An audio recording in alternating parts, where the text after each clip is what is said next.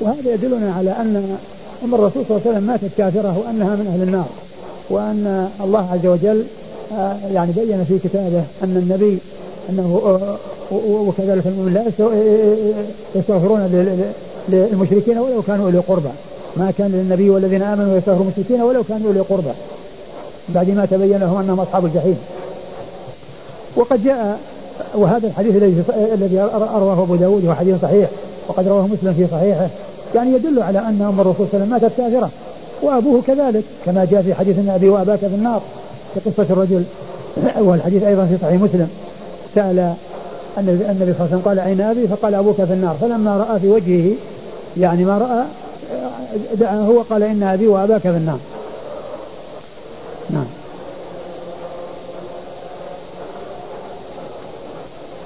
حد قال حدثنا محمد بن سليمان الأنباري محمد بن سليمان الأنباري صدوق أخرج له أبو داود عن محمد بن عبيد محمد بن عبيد الطنافسي وهو ثقة أخرجه أصحاب ثقة أخرجه أصحاب الكتب الستة. عن يزيد بن كيسان. عن يزيد بن كيسان وهو ثقة صدوق يخطئ. وهو صدوق يخطئ أخرج له. البخاري في الأدب المفرد ومسلم وأصحاب السنن. البخاري في الأدب المفرد ومسلم وأصحاب السنن. عن أبي حازم. عن أبي حازم هو سلمان الأغر الأشجعي. الأشجعي وهو ثقة أخرج له أصحاب الكتب الستة. عن أبي هريرة. عن أبي هريرة وقد مر ذكره. هل أبى والنبي صلى الله عليه وسلم يدخلان في هذه الآية وما كنا معذبين حتى نبعث رسولا لأنهما من أهل الفترة؟ لا. ما يدخلان لأن هؤلاء كانت الرسالة موجودة وكانت ال يعني ال فيه من كان مؤمنا ومن كان على دين إبراهيم. والرسول صلى الله عليه وسلم كان يتحنث على دين إبراهيم عليه الصلاة والسلام قبل أن يبعث وكان موجود يعني في ذلك الوقت. من هو على دين إبراهيم. فإذا آه، الدين يعني كان موجودا وفيه من من كان عليه وفيه من كان عليه. والرسول صلى الله عليه وسلم أخبر أنهم بالنار. نعم. ما رأيكم في من يزور قبر أمه صلى الله عليه وسلم الآن ويقول بأنها سنة نبينا صلى الله عليه وسلم ويشدون الرحل؟ شد الرحل لا يجوز. شد الرحل لا يجوز. وأما إذا مر الإنسان ويعني تذكر الموت هذا لا بأس به. يعني كونه مر في الطريق أما كونه يقصد فإن شد الرحال لا يجوز لزيارة القبور. استدلال بأنها سنة نبينا صلى الله عليه وسلم. الرسول صلى الله عليه وسلم ما شد الرحل إليها وإنما كان مارا يعني مرورا. نعم. ثم أيضا يعني كون يعني كون الإنسان يزور بدون شد رحل ما في بأس. قبور المسلمين وقبور الكفار. لكن آه، آه، يعني آه، الزيارة لتذكر الموت فقط لا للدعاء. وهؤلاء الذين فتنوا يعني يعتبرون أنها أنها مؤمنة ويذكرون يعني في أشياء يعني ساقطة ما لها قيمة. ذكرها بعض العلماء أن الله تعالى أحيا أبويه له وأنهما آمنا به. يعني أحيوا له وهذا لو كان شيئا ثابتا لنقل ولا صار امرا يعني خارقا للعادة يعني يتناقله الناس. فلم يأتي يعني من ذلك شيء صحيح. وإنما الذي جاء من طريق صحيح انهما في النار. هذا هو الذي رواه مسلم في صحيحه فيما يتعلق في أبوي الرسول صلى الله عليه وسلم. نعم. قال حدثنا أحمد بن يونس قال حدثنا معرف بن واصل عن محارب بن دثار عن ابن بريدة عن أبيه رضي الله عنه أنه قال قال رسول الله صلى الله عليه وآله وسلم نهيتكم عن زيارة القبور فزوروها فإن في زيارتها تذكرة. ثم ورد أبو داود حديث بريدة بن الحصيب رضي الله عنه. قال أن النبي صلى الله عليه وسلم قال كنت نهيتكم عن زيارة القبور فزوروها فإن في زيارتها تذكرة. وهذا الحديث فيه الجمع بين الناسخ والمنسوخ لأن الناسخ والمنسوخ جمع في حديث واحد. كنت نهيتكم عن زيارة القبور هذا منسوخ فزوروها ناسخ فقد جمع فيه الناسخ والمنسوخ معا حديث اجتمع فيه الناسخ والمنسوخ كنت نهيتكم فزوروها وكان كان النهي عن الزيارة في أول أمر لكونهم حديث عهد بالجاهلية فمنعوا من ذلك حتى تنقطع يعني ما في قلوبهم من من من, من امور الجاهليه ثم انه بعد ذلك نسخ هذا النهي وأثبت في يعني آه، آه، الزيارة وأن في ذلك تذكرة للموت وتذكرة للآخرة ليكون الإنسان على استعداد تام وذلك بالأعمال الصالحة التي تقربه إلى الله عز وجل زلفى. وهذا ال ال ال وهذا إنما هو في حق الرجال. أما النساء فقد جاء يعني في حقهن بعض الأحاديث الدالة على لعنهن في الزيارة كما سيأتي نعم قال حدثنا أحمد بن يونس أحمد بن يونس ثقة أخرج له أصحاب الكتب الستة. عن معرف بن واصل. عن معرف بن واصل وهو ثقة أخرجه مسلم وأبو داود. ثقة أخرجه مسلم وأبو داود. عن محارب بن الدثار. عن محارب بن الدثار وهو ثقة أخرج له أصحاب الكتب الستة. عن ابن بريدة. عن ابن بريدة هو عبد الله بن بريدة ثقة أخرج له أصحاب الكتب الستة. عن أبي. عن أبيه بريدة بن الحصيب الأسلمي رضي الله عنه وحديثه أخرجه أصحاب الكتب الستة. هل تصح الزيارة من خارج المقبرة؟ نعم يمكن إذا كان الإنسان رأى القبور ويعني رآها وشاهدها وسلم عليهم السلام المشروع نعم تصح مو لازم انه يدخل في المقبرة بل إذا رأى القبور فإنه يسلم عليه قال يرحمه الله تعالى باب في زيارة النساء القبور قال حدثنا محمد بن كثير قال أخبرنا شعبة عن محمد بن جحادة قال سمعت أبا صالح يحدث عن عن ابن عباس رضي الله عنهما أنه قال لعن رسول الله صلى الله عليه وآله وسلم زائرات القبور والمتخذين عليها المساجد والسرج. الصحابي من هو؟ ابن عباس. ثم ورد أبو داود باب في زيارة النساء القبور. آه، زيارة النساء القبور آه، اختلف فيها العلماء منهم من قال بجوازها ومنهم من قال بمنعها. والذين استدلوا بالجواز استدلوا بما جاء عن عائشة رضي الله عنها بأنها زارت أخاها وأخاها عبد الرحمن بن أبي بكر رضي الله عنه. وكذلك أيضا آه، آه، في بعض الأحاديث آه، التي قالوا أن الحكم عام أن قول زوروها إنما هو للرجال والنساء والنساء هن بحاجة إلى التذكرة. فهن مثل الرجال.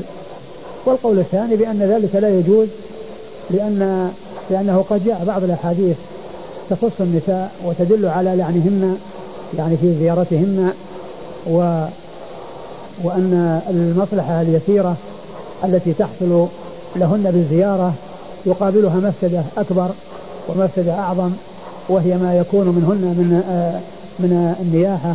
وما يكون وما وما هن فيه من الضعف وعدم الصبر وعدم تمكنهن من الصبر كما يصبر الرجال فجاء حديث يدل على المنع. وقد أورد أبو داود حديث ابن عباس أن النبي صلى الله عليه وسلم قال قال لعن رسول الله صلى الله عليه وسلم زائرة القبور والمتخذين عليها المساجد والسرج. لعن الله زائرات القبور والمتخذين عليها المساجد والسرج. وهذا الحديث يعني جاء بلفظ زائرات وفيه ذكر المساجد وذكر السرج وكل هذه غير سائغة. والحديث في إسناده رجل متكلم فيه وهو أبو صالح الذي يروي عن ابن عباس وليس أبو صالح السمان وإنما هو شخص آخر فيه كلام. آه فتكلموا عن الحديث من أجله.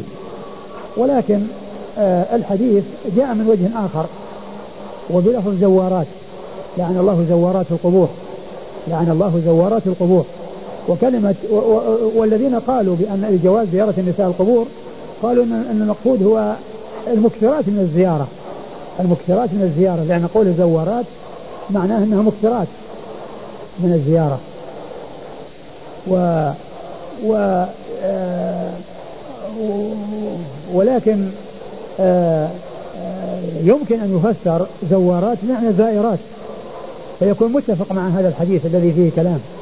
لعن الله زائرات القبور زوارات معنى زائرات لأن فعال يعني آه، آه، كما أنه يأتي للمبالغة يأتي للنسبة يأتي للنسبة. وليس كل ما يأتي على صيغة فعال أنه آه، يكون للمبالغة بل قد يكون نسبة مثل ما يقال نجار وحداد. يعني هذه الصيغة ليست المبالغة وإنما هو يعني منسوب إلى الحدادة ومنسوب إلى النجارة. يعني معناها أنها يعني هذه نسبة وليست مبالغة.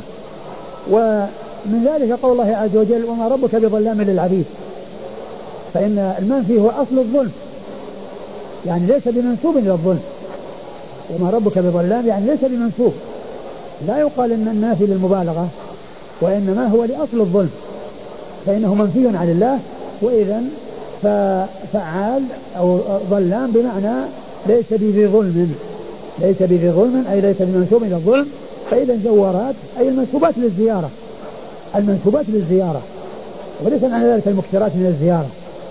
وبهذا يتفق مع حديث آه يعني آه زائرات آه القبور. والشيخ الألباني رحمه الله ضعف الحديث في السنن ولكنه لما جاء في الكلام على عليه في أحكام الجنائز وقال إن الترمذي قال حسن وقال إن هذا لا يسلم إلا إن أريد أنه حسن لغيره فيكون مسلما لأنه جاء بلفظ زوارات جاء بلفظ زوارات وهذا إنما يكون على أن زوارات بمعنى زائرات وهو قد أشار إلى أن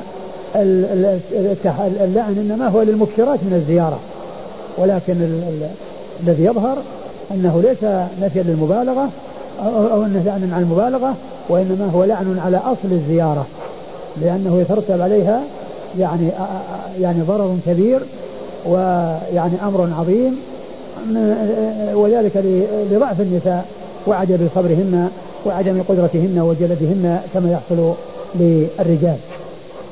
وعلى هذا فالقول الصحيح الذي آآ آآ هو القول بالتحريم وأن النساء لا يجوز لهن أن يزورن القبور ثم أيضا كما كما هو واضح المرأة إذا تركت الزيارة أكثر ما في الأمر أنها تركت أمرا مستحبا ما فاتها إلا أمر مستحب. وأما إذا فعلت الزيارة فإنها تتعرض للعنة لهذا الحديث. ومعلوم أن ترك آه، عدم الفعل الذي تسلم فيه من اللعنة آه، أولى ومقدم على كونها تفعل شيئا آه، لو لو تركته ما حصل لها إلا أنها تركت أمرا يعني ليس أمرا مستحبا لا يترتب على تركها له شيء فإذا القول بالتحريم ومنع النساء من الزيارة هو الأظهر والأولى نعم. قال حدثنا محمد بن كثير محمد بن كثير العبدي آه، ثقة أخرجه أصحاب في الستة. عن شعبة عن شعبة مر ذكره. عن محمد بن جحادة. محمد بن جحادة ثقة أخرج له أصحاب كتب الستة. عن أبي صالح. عن أبي صالح وهو بادام وهو ضعيف. نعم أخرج أصحاب السنن. ضعيف أخرج له أصحاب السنن. عن ابن عباس. عن ابن عباس عبد الله بن عباس بن عبد المطلب بن عم النبي صلى الله عليه وسلم وأحد العباد الأربعة من أصحاب الكرام وأحد السبعة المعروفين بكثرة الحديث عن النبي صلى الله عليه وسلم. هل يجوز للنساء إذا أتينا مسجد رسول الله صلى الله عليه وسلم أن يقصدن قبر النبي صلى الله عليه وسلم بالسلام؟ زيارة النساء للقبور مطلقا غير سائرة. لا لقبره ولا لقبر لا لقبره صلى الله عليه وسلم ولا لقبر غيره لأن ذلك الكل داخل تحت لعن الله زوارات القبور. كونها جاءت إلى الروضة. ولو جاءت. ولو جاءت. ما تقصد. ما تقصد ولا تزور. قال رحمه الله تعالى باب ما يقول إذا زار القبور أو مر بها. قال حدثنا القعنبي عن مالك عن العلاء بن عبد الرحمن عن أبيه عن أبي هريرة رضي الله عنه أن رسول الله صلى الله عليه وآله وسلم خرج إلى المقبرة فقال السلام عليكم دار قوم مؤمنين وإنا إن شاء الله بكم لاحقون.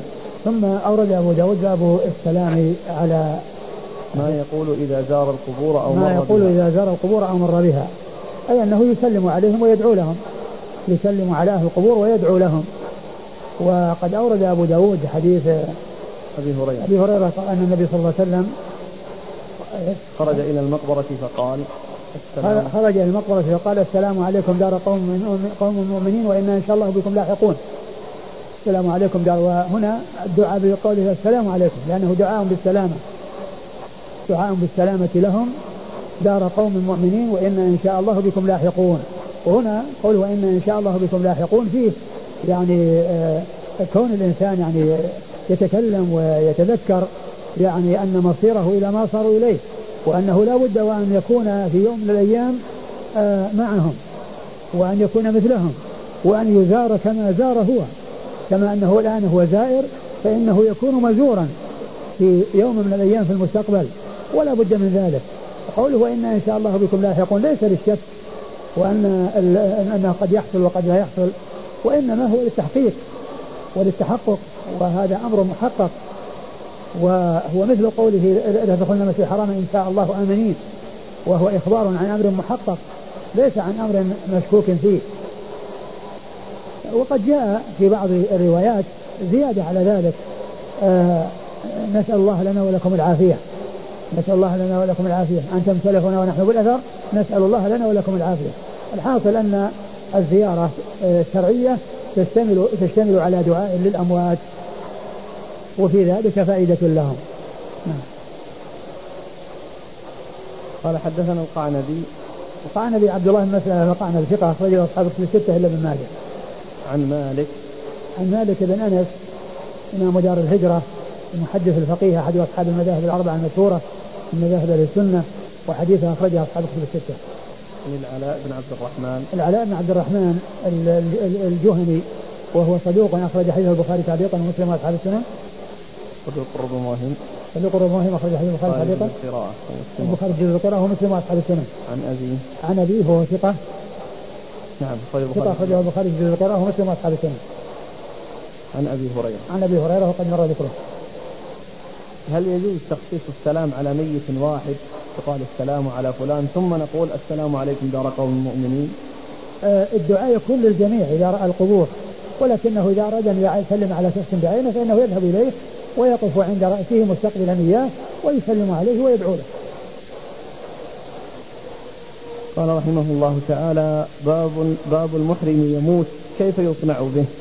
قال حدثنا محمد بن كثير قال أخبرنا سفيان قال حدثني عمرو بن دينار عن سعيد بن جبير عن ابن عباس رضي الله عنهما أنه قال أتي النبي صلى الله عليه وآله وسلم برجل وقصته راحلته فمات وهو محرم.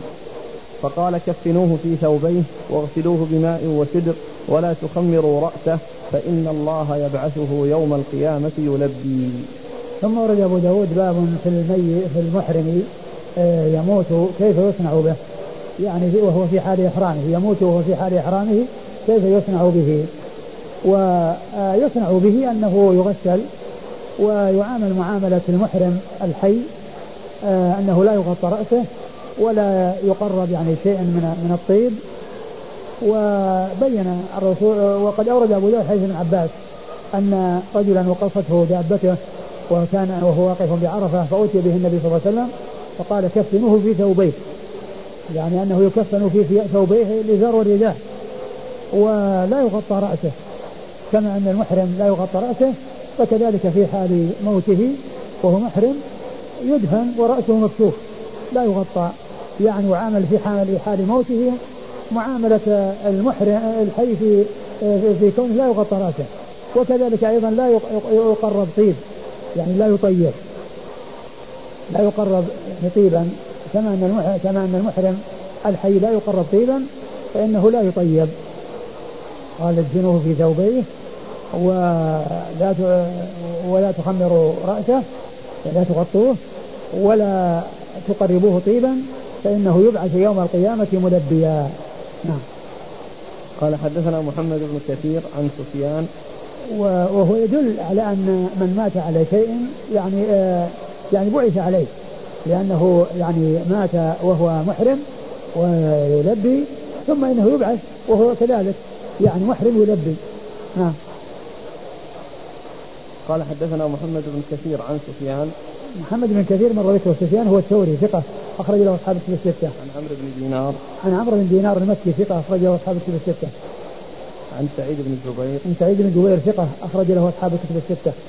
عن ابن عباس. عباس وقد مر ذكره.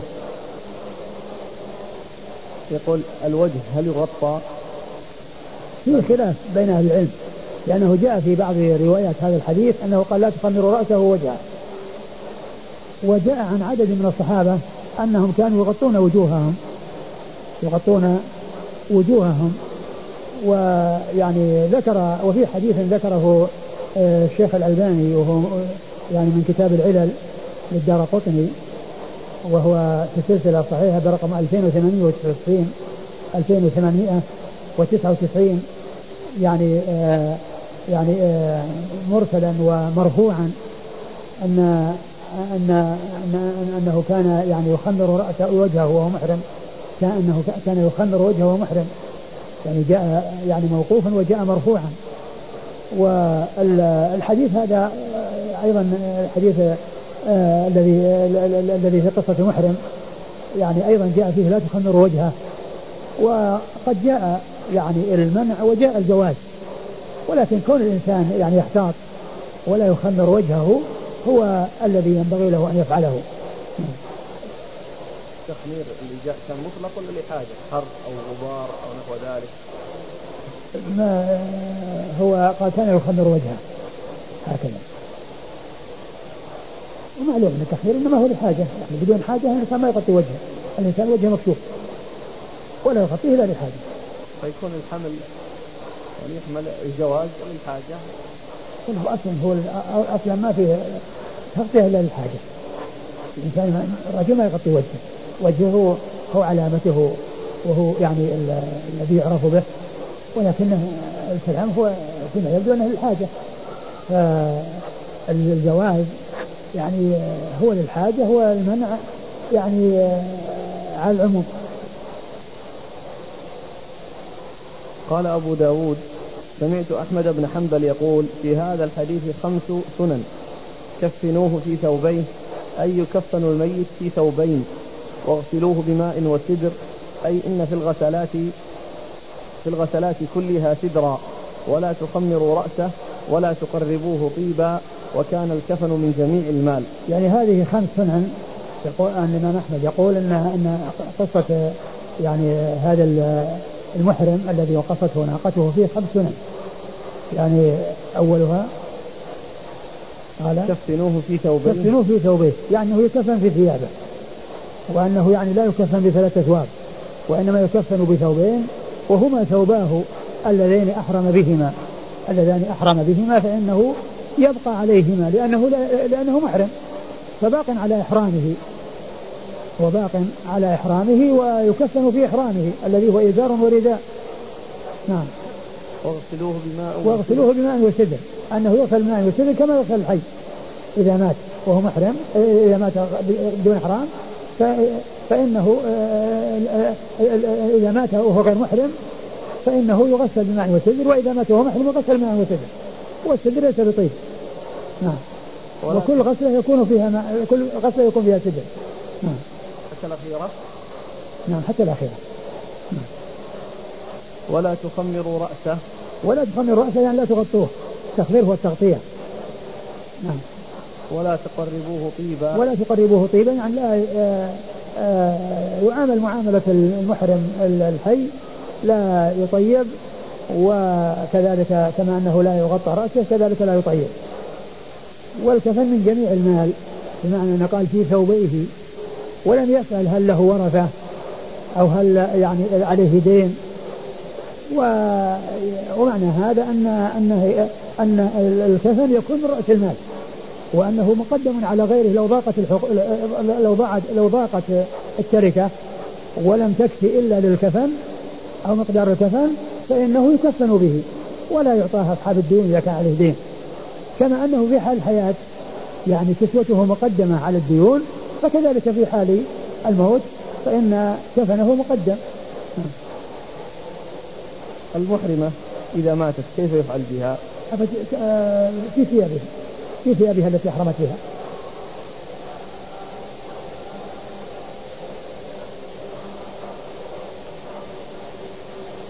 قال حدثنا سليمان بن حرب ومحمد بن عبيد المعنى قال حدثنا حماد عن عمرو. هكذا عن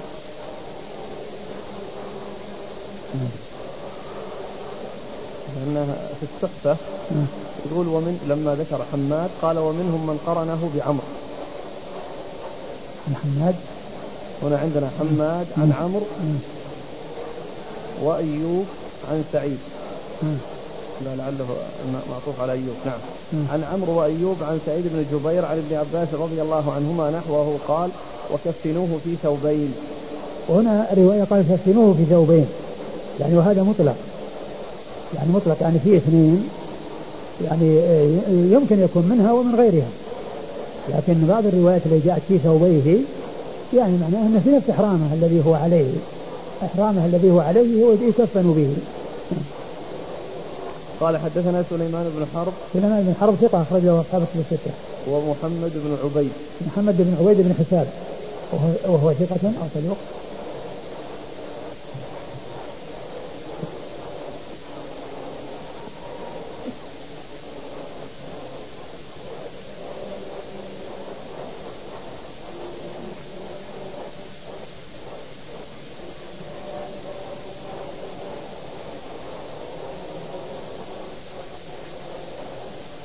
ثقة أخرج له مسلم وأبو داود والنسائي. ثقة أخرجه مسلم وأبو داود والنسائي. قال حدثنا حماد حماد هو بن زيد بن درهم ثقة أخرج له أصحاب الكتب الستة. عن عمرو عن عمرو بن دينار مر ذكره. وأيوب أيوب بن أبي تميم السختياني ثقة أخرج له أصحاب الكتب الستة. عن سعيد بن جبير عن ابن عباس. وقد مر وقد مر ذكرهم.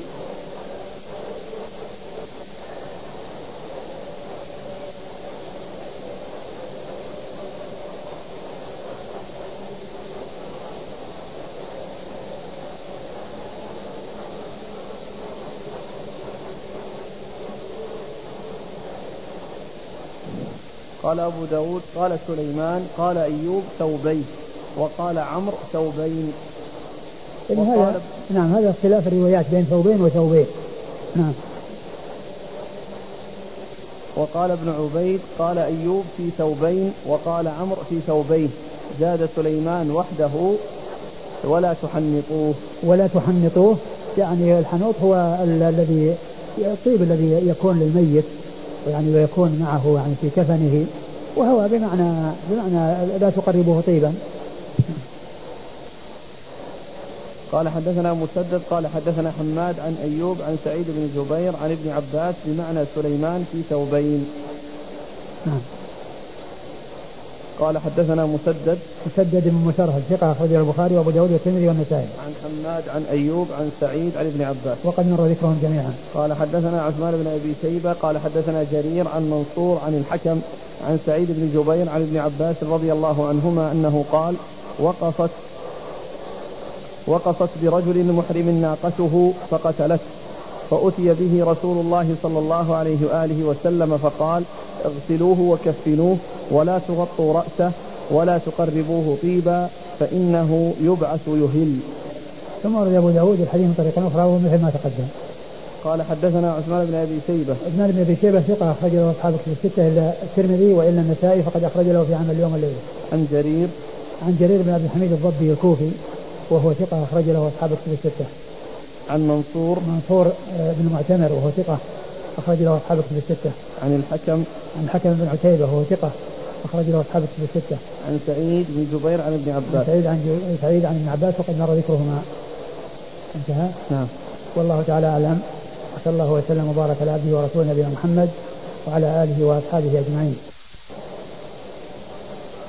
جزاكم الله خيرا وبارك الله فيكم ونفعنا الله بما قلتم وأمدكم بطاعته وعونه.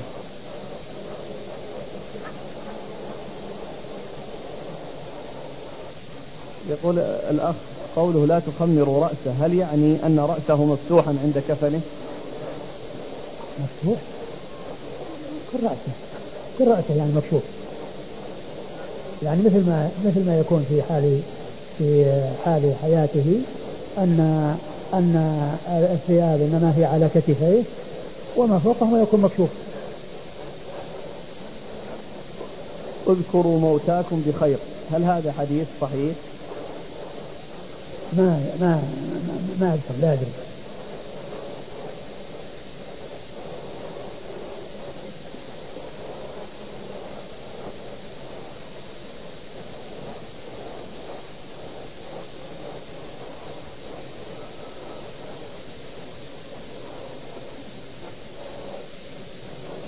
يقول كيف يكون الثناء على الميت ومتى يثنى عليه؟ هل عند السماع بخبر موته أو عند دفنه؟ أقول أقول ليس له وقت معين. يثنى عليه يعني عند السماع أو عند الدفن كل ذلك ممكن.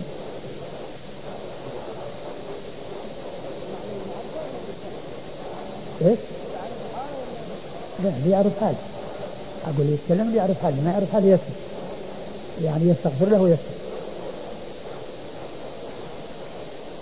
يقول لماذا جعلنا من خصوصياته صلى الله عليه وسلم آه، على القبر إذا كان قديما ولم نجعل من خصوصياته إذا كان القبر حديثا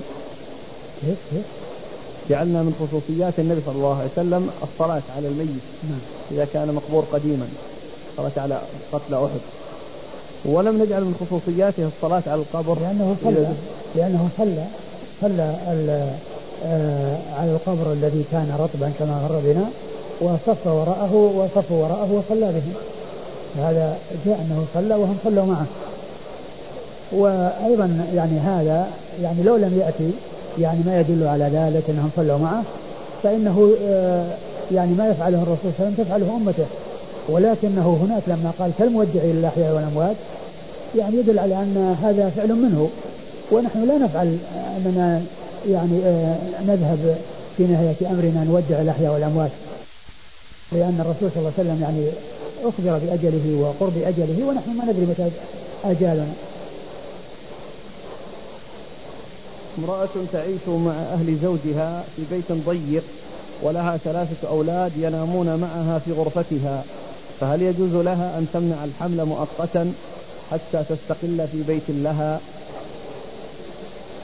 ال ال ال إذا كان أنه يترتب عليها مضرة فيما يتعلق بالحمل وبالتربية بتربية الأولاد من ناحية أن أنهم يعني يتوالون يعني كل سنة يكون في ولادة فقد تلد والشخص الذي قبله لم لم يعني يمشي فلها أن تعمل شيء يؤخر لا يقطع.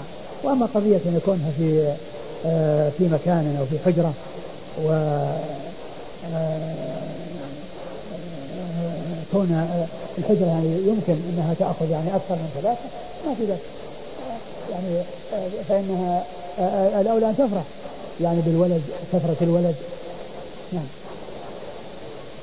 هذا استدراك الله يعين نعم. أقول أنتم ماذا حددتم البداية يا شيخ؟ البداية. بداية الدرس في الإجازة.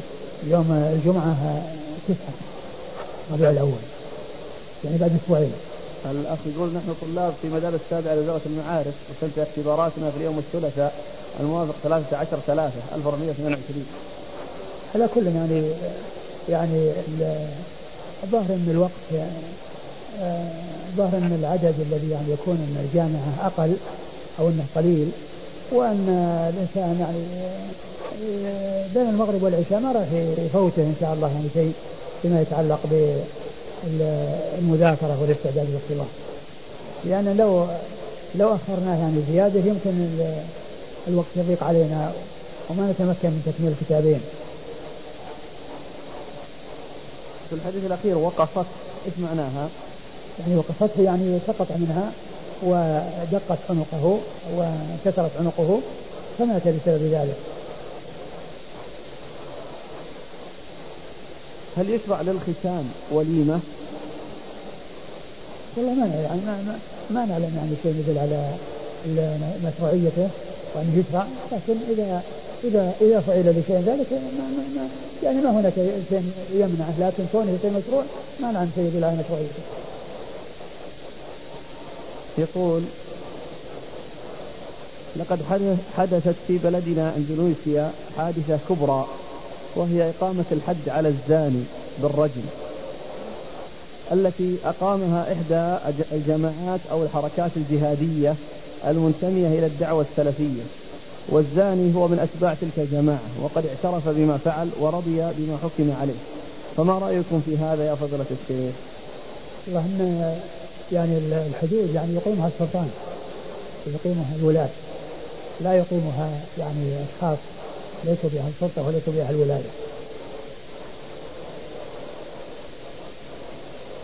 هل يجوز لمن صلى صلاة الجماعة في المسجد أن يصلي مع رجل فاتته الجماعة في البيت قياسا على من تصدق على الرجل في صلاته معه في المسجد؟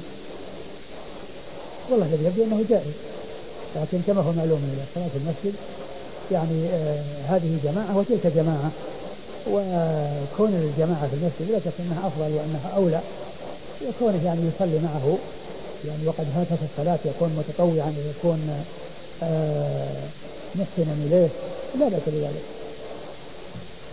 هل ثبت عن النبي صلى الله عليه وسلم أن رأس الميت في صلاة الجنازة يكون عن يسار الإمام ورأس المرأة يكون عن يمينه؟ إذا كان رجل يصير الرأس عن اليسار. صارت امرأة يصير الرأس عن يمينها الظاهر أن الطريق واحد ما فيه تفاوت. هذا يسار ويمين كلهم كلهم يكونون على على يمينه كلهم يكونون على يمين مثل وضعهم في القبر. مثل وضعهم في القبر ومثل ما لو صلى عليهم وهم في القبر. فإن الرأس يكون إلى جهة اليمين. لأنه يكون آه، في القبر مستقبل القبلة. ما لا شيء يدل على خلاف هذا. هل يجوز وضع حجرين على القبر من أجل العلامة أحدهما عند الرأس والآخر عند الرجلين. كل اللي يدونه لا بأس بذلك.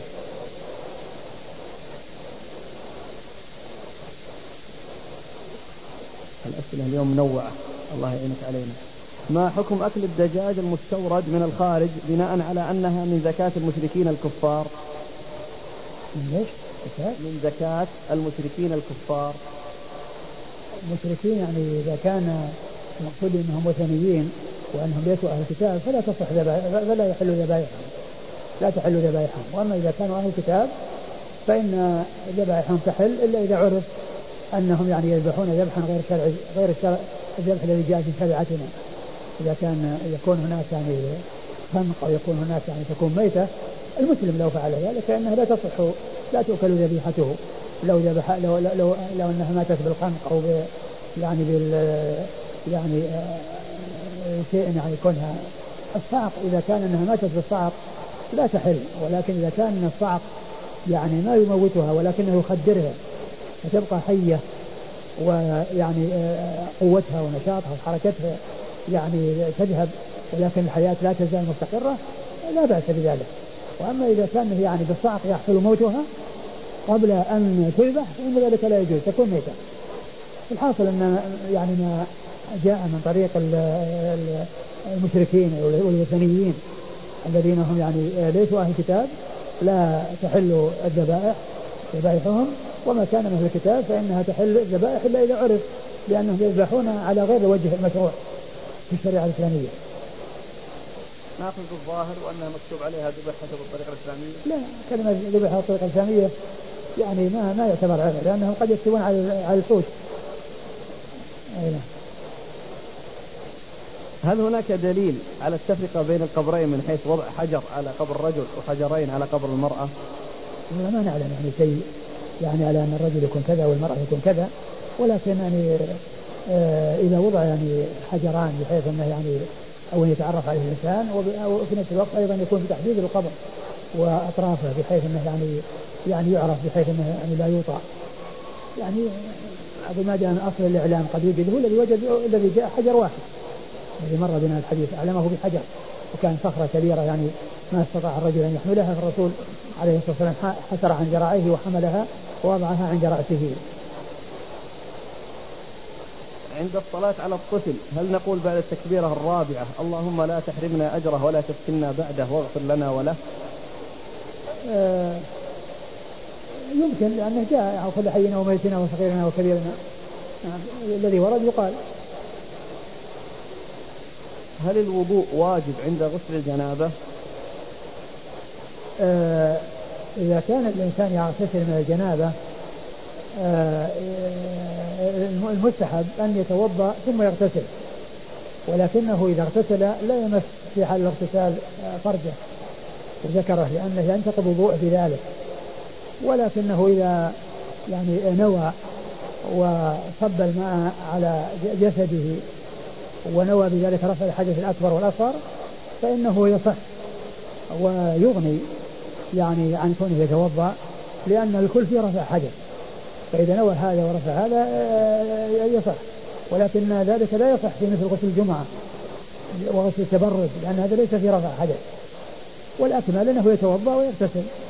وإن اغتسل بدون يعني وضوء ونوى رفع الحدثين فهو عندما يستنجي لا يمس ذكره يعني بعد ذلك.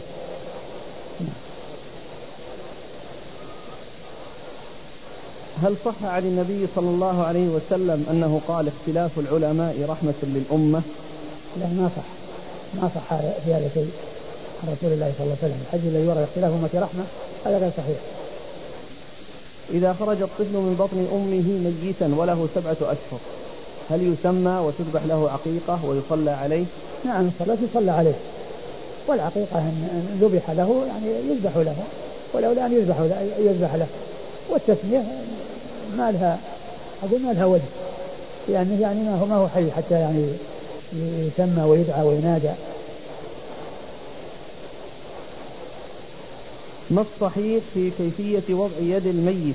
فإننا في مجتمعنا في مجتمعنا نضع يد الميت اليمنى على اليسرى على صدره. وقد قال بعض الناس إن ذلك بدعة. فهل هذا صحيح؟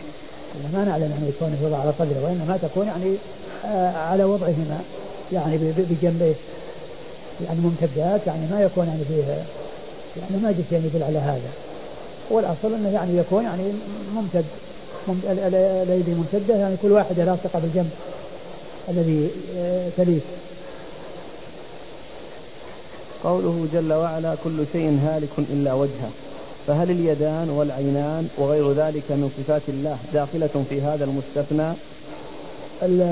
هذا هذه الآية الكريمة تدل على إثبات صفة الوجه لله عز وجل وتدل على بقاء الله عز وجل بذاته وصفاته. تدل على بقاء الله عز وجل بذاته وصفاته. فالبقاء لله عز وجل بذاته وصفاته ومنها صفة الوجه يعني بالذات والصفات الله تعالى آه، هو الذات والصفات والله تعالى باق بذاته وصفاته. وفي أثبات صفة الوجه. في أثبات صفة الوجه واثبات البقاء لله عز وجل بذاته وصفاته. لا يقال إن البقاء إنما هو الوجه وإنما البقاء هو للذات والصفات. نعم. قال صاحب عون المعبود وحكى ابن التين أن ذلك مخصوص بالصحابة في الثناء.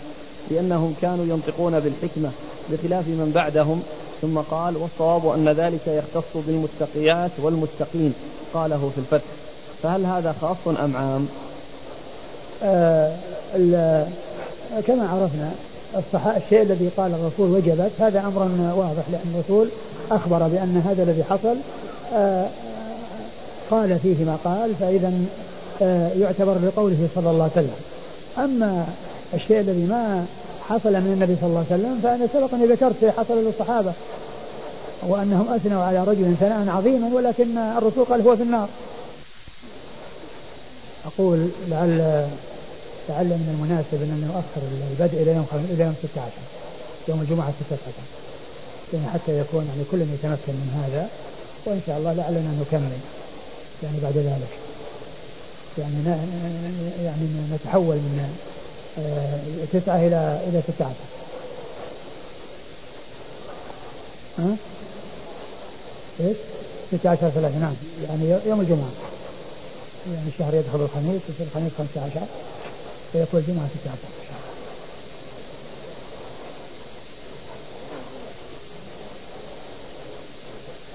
نعم. يعني خليها إن شاء الله في ذات اليوم خلينا نحتفل من هذه الأيام. وهذا الآن. هذه الطريقة لا تفيد طلاب الجامعة. نعم ليش؟ لأنها فيها ارتباط طول أيام الإجازة. ليش؟ طول أيام الإجازة معناتها راح ندرس ثلاث أيام كل أسبوع ثلاث أيام. إيه؟ كان النية والرغبة جزاكم الله خير أنها تخصص في أسابيع معينة.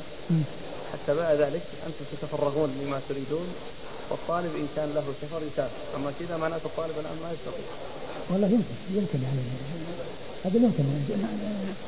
أقول يعني نجمعها يعني بدل ما تكون يعني في يعني أسابيع تكون يعني كثيرة في أسابيع قليلة. يمكن ممكن ممكن.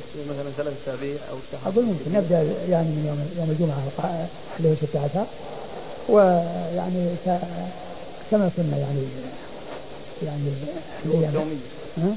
نعم يمكن يمكن. أقول يمكن. يقول أريد الذهاب إلى مكة لأداء العمرة. فهل هناك بأس أن آخذ يوم إجازة اضطرارية لترتبط بالخميس والجمعة؟ وذلك لرغبته في السفر إلى جدة. والله ما أدري هل هذه اضطرارية؟ هذه ما هي اضطرارية. لو تعيد بارك الله فيك. الفرق بين التسطيح والتسنيم. التسنيم هو أن يكون القبر يعني أعلاه يعني آه يعني ضيق وأسفله واسع يعني مثل الهرم يعني يمشي يعني شيء فشيء حتى يكون يعني أعلاه يعني مثل سلام البعير. الآن سلام البعير يعني تجد يعني بطنه من يمين يسار يعني واسع ثم يرتفع شيئا فشيء حتى يصل إلى مكان ضيق ومكان محصور. يعني بحيث المطر إذا نزل على هذا يروح يعني ما يستقر. ينزل. يعني يروح من يسار أما إذا كان مسطح يستقر عليه. يستقر عليه الماء ويكون فيه مجال لأن الحيوانات كالكلاب آه، آه، تبرك عليه أو تربط عليه. يعني في آه، وأيضا يعني يكون يعني عرضة لأنه يعني ينهب يعني يعني ذهاب ترابه. أما إذا كان مسطح يكون يعني أسلم وأبقى له. فإذا المسوى هو الذي ما في تصحيح ما في تسنيم والمسنم هو الذي يكون أعلاه يعني ضيق وأسفله واسع يعني أطرافه. مثل مثل مثل البعير. يعني سلام البعير يعني أعلاه يعني شيء ضيق والجوانب التي يعني فيها البطن من يمين يسار هي بارزة. نعم. هل الميت يسمع عندما يسلم عليه؟ ما هناك شيء يدل على هذا ما ما نعلم شيء يدل على هذا ما حكم دفن الميت بنعشه؟ كيف بالنعش؟ بالنعش ينزل في القبر ويدفن لا أقول النعش يعني يبقى للناس يدفنون فيه يحملون عليه يعني كل كل كل, كل ميت يحمل له نعش ثم أيضا النعش يعني آه كما أنه يعني ما له أصل أيضا يضيق القبر القبر عن نفسه يعني يعني آه اللحد يعني آه على قدر الإنسان. والنعش. يحتاج إلى مسافة كبيرة. فإذا هو ما له أساس وفي نفس الوقت آه، يترتب عليه يعني توسيع اللحد بالإضافة إلى كونه ما له أساس فلا يتم ثم لماذا يتم خشب. يعني أطول من الميت وأعرض الميت. يعني يعمق له القبر. إيش الفائدة؟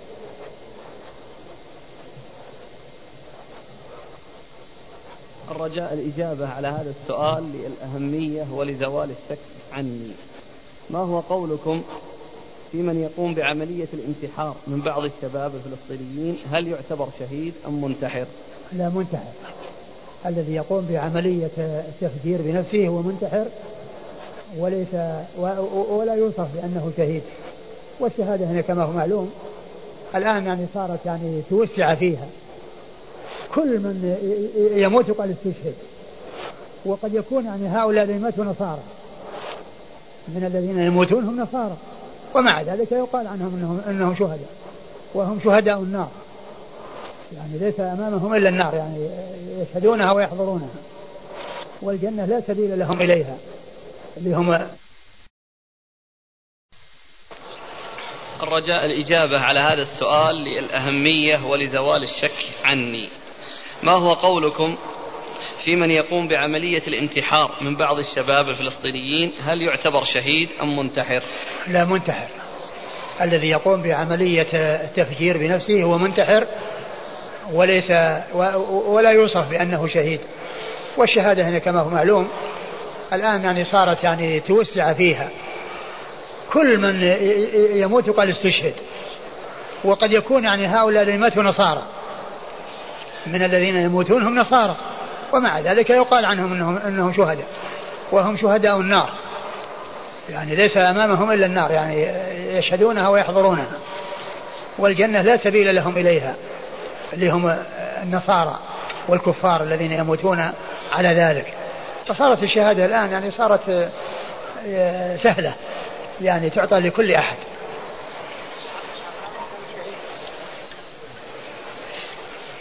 قول أنا مؤمن إن شاء الله بقصد التحقيق.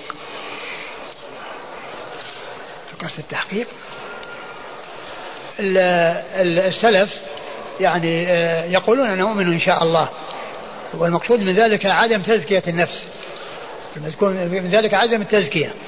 لأن الإيمان صفة كمال. أعلى من صفة من درجة الإسلام. فالمسلم يقول أنا مسلم. كان أنت مسلم؟ يقول نعم الحمد لله أنا مسلم. لكن إذا كان أنت مؤمن يقول مؤمن إن شاء الله. يعني أرجو أن أكون من أهل هذه الصفة التي هي صفة كمال. قوله فأثنوا عليها شرا هل يجوز الكلام على الميت؟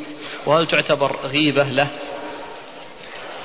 أه ما ما يعتبر غيبة يعني كونه يعني يذكر الإنسان يعني بال بصفاته الذميمة أو بالشيء الذي هو مذموم بها بحيث الناس يعني يجتنبونه ويبتعدون عن ذلك. لأن الرسول يعني أقرهم على الثناء وعلى الثناء بالخير والثناء بالشر.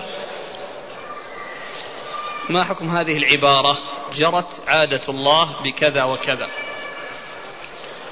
ما هي جيدة؟ أقول ما هي جيدة يعني تعبير بمثل هذا التعبير.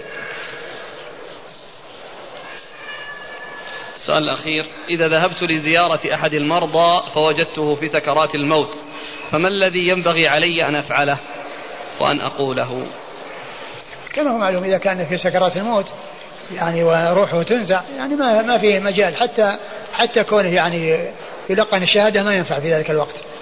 أقول ما ينفع يعني يعني ذاك حتى لو كان يعني ما ينفع الإيمان إذا لم يكن قد آمن من قبل. ولكن كونه يعني فيه يعني يعقل وكذا يمكن يقال لا إله إلا الله لا إله إلا الله يعني يذكر الله عنده حتى يقولها وتكون آخر كلامه. لكن يعني كونه يعني إنسان ما آمن ما ينفعه أن يؤمن في سكرات الموت لأنه ما لم يغرغر. يعني التوبة يعني تقبل ما لم يغرغر. والإنسان يعني يمكن يعني ما لم يغرغر. وأما إذا حصل غرغرة وحصل كذا ما ينفع مثل ما حصل لفرعون. الآن يعني قال إنه أسلم وقيل له الآن وقد عصيت وكنت من المفسدين. جزاكم الله خيرا وبارك الله فيكم ونفعنا الله.